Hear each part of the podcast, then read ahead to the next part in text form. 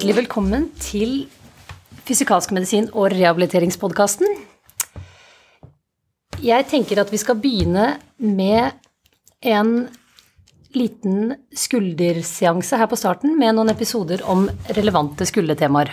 Og i den forbindelse så har jeg fått hjelp av overlege Nils Gunnar Juel på fysikalsk medisin avdeling på Ullevål. Du er jo en racer i faget, skrevet bøker, artikler og har jo en ph.d. på skulder. Med mye annet. Men derfor tenker jeg det passer helt supert i dag med kapsulitt. Kan ikke du fortelle oss litt rundt det, Nils Gunnar? Ja, takk for at, jeg får være med her. Det er jo veldig spennende. Kapsulitt er en interessant diagnose, mest fordi at vi egentlig ikke helt vet hvorfor noen utvikler kapsulitt og ikke. Men det er en ganske hyppig tilstand som affiserer ja, folk mellom kanskje 40 og 60 år mest. Og gjennomsnittsalder rundt 53 år, og mest kvinner. Litt i overtall av kvinner, 60% kanskje. Eh, og ganske likt i forskjellige populasjoner, både hvite og fargede populasjoner. Og den, eh, den tilstanden den eh, forskes det ganske mye på, uten at man helt har klart å finne årsaken til den. Ja, har man noe litt idé om hva som skjer? Altså, sånn enkelt sett så Kapsulitt det kalles også frozen shoulder, frossen skulder, og det er kanskje et bedre bilde over sykdommen, fordi skulderen blir jo stiv. Ehm, men så blir den også smertefull, da. Så det som skjer, er at man gjerne opplever skulderen er smertefull uten at man kanskje har gjort noe spesielt. Og så blir dette verre og verre, og blir etter hvert veldig sterke smerter som forstyrrer nattesøvnen og kan gi sånne hugglignende smerter inn i skulderen. Og dette blir så ille at de fleste søker hjelp for det. Og, og, det er mange som da ikke merker at skulderen har blitt noe særlig stiv, for det kommer gjerne litt snikende i lys eller i skjul av smerten. Så, så fryser det til og blir smertefullt, og dette er kjempeplagsomt. Og hvis man ikke gjør noe særlig med det, så for de fleste så forsvinner det her av seg sjøl etter et års tid. Kanskje litt lenger for stivheten. Og det er vel det, sånn sett utenfra det som skjer. Ja. Og du nevnte jo litt nå, men hvis du kjapt beskriver symptombildet? Ja, hovedsymptomet, det som pasienten plages av, er smerte. Det er jo det som eh, er hovedsymptomet for alle skulderplager, egentlig. Ja. Og hvis smerten blir borte, så går det stort sett ganske bra med folk. Men denne tilstanden i tillegg preges jo av stivhet. da. Og da, da er det særlig kanskje rotasjonene, så at man ikke kommer bak på ryggen som er vanskelig, og for noen så er det jo veldig vanskelig å løfte armene ut til sida. Så for å stille diagnosen så sier vi gjerne at man skal ha redusert 20-30 grader grader utadrotasjon og abduksjon i forhold til frisk side, og at det skal være smerter i ytterstilling. da. Ikke sant. Og da snakker vi passiv stopp ved undersøkelse. Ja, det er riktig. Det er, det at undersøkeren beveger, da. Ja. Så mange vil jo også ha store problemer med å løfte armene selv, da. Stor variasjon. Noen er jo nokså lite stive, faktisk. Og det er sikkert noen som ikke oppsøker lege, mens andre er jo pinnestive og klarer ikke å vaske seg under armen engang fordi de er så stive, da. Men Det er stor variasjon. Og som oftest unilateralt? Som oftest unilateralt. Så det er jo noen studier på det, men uh, siden uh, det er såpass sjelden med med Flåsen shoulder på begge sider, så er vi litt usikre på antallet. Det, det er sagt kanskje at uh, samtidig frozen shoulder i 5% og at kanskje 20% får frozen shoulder på motsatt side i løpet av de nærmeste årene. Det er usikre tall. Ja, Men det er en økt risiko for det, altså? Ja. Det er en økt risiko for det, og det er uh, en del forskning som viser nå økt risiko knytta til andre sykdommer, og det mest kjente er jo diabetes. Ja. Der er det fem ganger ca. så stor sjanse for å få frozen shoulder som hvis du ikke har diabetes. Og, og, noen store studier viser også at det er samme med tyroidiasykdom. Både hyper og hypotyreose gir en økt forekomst av frozen shoulder. Det dobler og tripler faktisk sjansen til det. Det er det jo ikke sikkert alle vet. Nei, det er nye, nye, litt nyere eh, registerforskning fra særlig fra Taiwan, faktisk, som, som viser det her registeret på mange hundre tusen mennesker, så det er ganske gode tall, da. Er det på det nivået at du tenker at en nyoppdaget kapsulitt bør ha en liten blodprøvescreening? Eller eh, avhenger det av symptomer? Det avhenger nok av symptomer, stort sett. Og Ja. det vi snakker om her, er jo gjerne at det er de som allerede har tyroidiasykdom eller diabetes på forhånd, som har større risiko, og ikke nødvendigvis motsatt. Ikke sant? Og det har vært spekulert i om det er eh, økt fare for f.eks. kreft knytta til frozen shoulder.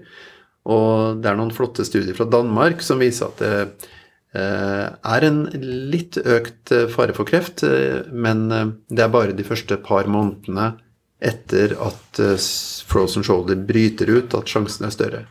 Og så er det ikke lenger noe særlig sjanse for det. Så mm, antallet med nye krefttilfeller er såpass lite at i en vanlig poliklinikk sånn som vår, 150 nye pasienter i året ca., så vil du ha kanskje et eh, nytt krefttilfelle hvert tiende år. Så det å skrine alle blir litt meningsløst. Ja. ja. Men det er en bitte liten tanke man kan ha i bakhodet. Absolutt. Absolutt. Men smerter og reduserte bevegelsesutslag. Ok, hvis vi tenker litt på behandling, hva, hva gjør du med disse pasientene? Det som er fint med sykdommen her, hvis det går an å si det, det er at eh, det er et relativt eh, godarta forløp uten behandling. Så eh, det er viktig å informere pasienten om hva, du, hva de står ovenfor når de kommer inn. Og da er det jo, pleier jeg å tegne opp en kurve da, med økende smerter, og så synker de smertene igjen, og så er smerten over på 9-12 måneder. Og en litt lengre kurve som viser stivheten, da. Og at dette ikke er noe farlig, er viktig. At jeg ikke trenger å være redd for noe kreftsykdom eller lignende. Og når det er gjort, så er det faktisk en god del pasienter som er fornøyde, for da vet de hva det er, og det går greit, liksom. Og hvis det ikke går greit, da? Mye smerter og vanskelig Ja. å score. Ja, ikke sant. Så det Nei, det som jeg pleier å gjøre, eh, fordi dette ikke er noe som de må behandle, så pleier jeg også å snakke litt med dem om forskjellige behandlingsmuligheter. Og da er det jo spesielt eh, behandling av smerte, da.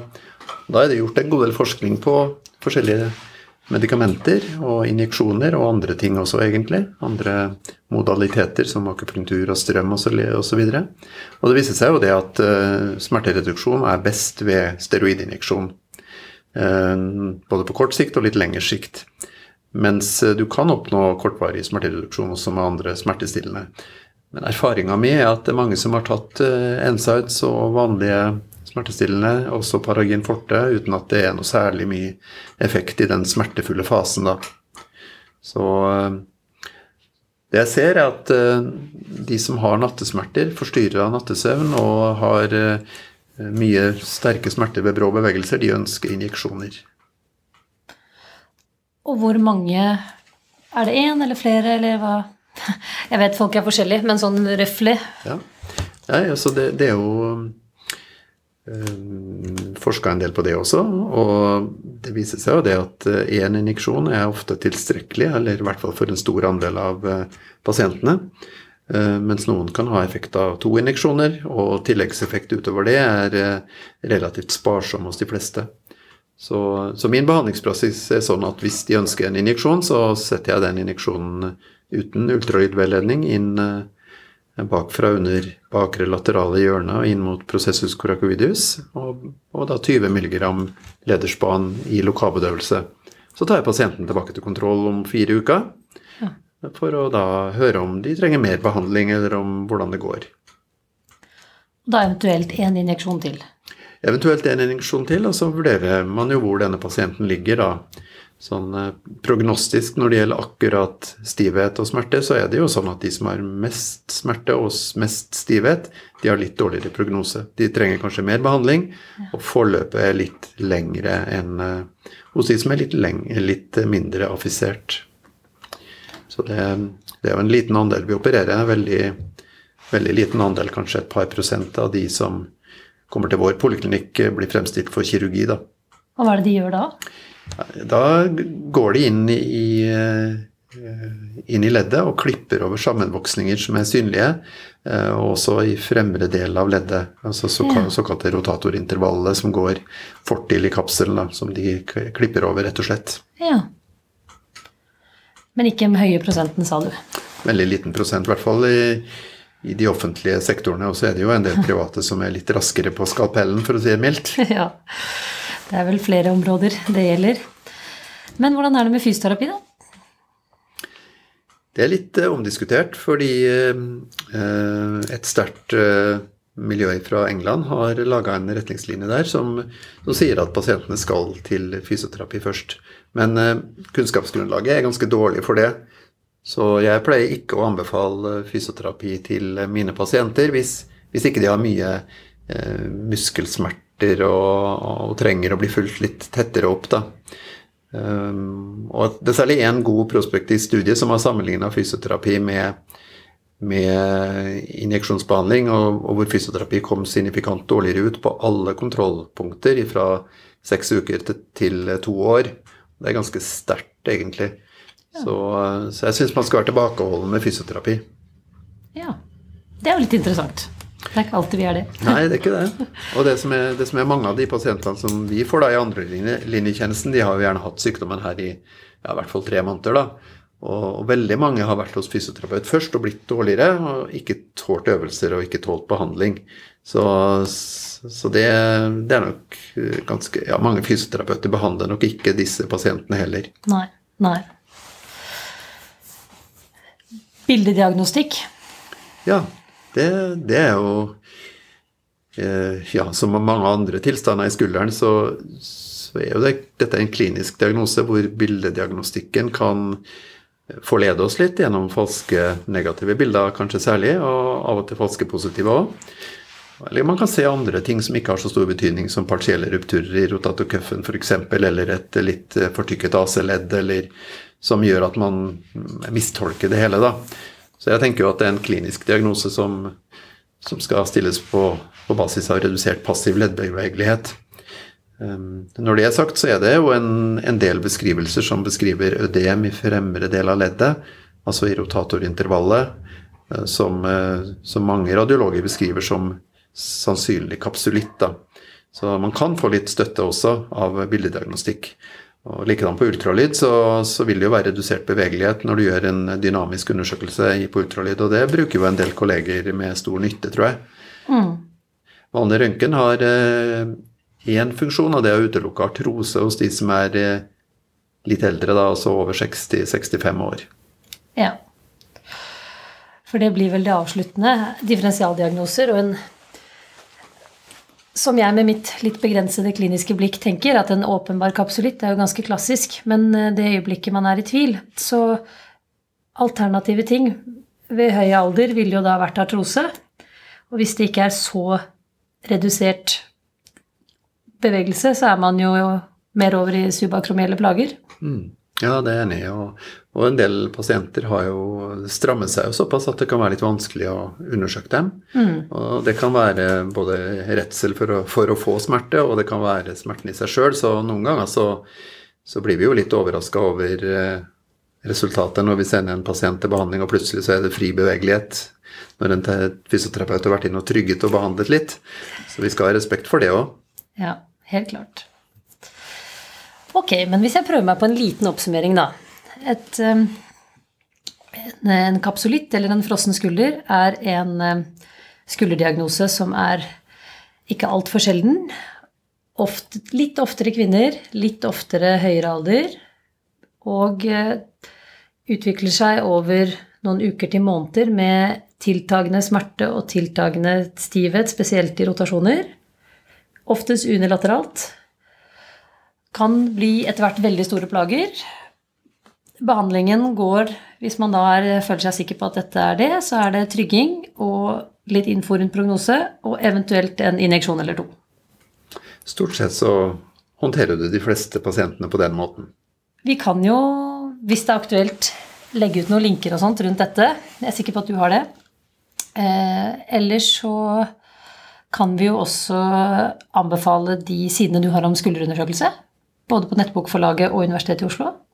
Ja, det er riktig. Vi, vi har en, en, gratis nettressurs på undersøkelse som ligger på Hvis du søker på kliniskundersøkelse.no, så får du opp de sidene. Og de, de er ganske fine når det gjelder akkurat skulderundersøkelsene. Ikke sant. Nei, men Så bra. Du, da tenker jeg vi sier tusen takk. Ja, tusen takk for en hyggelig prat. ha det. はい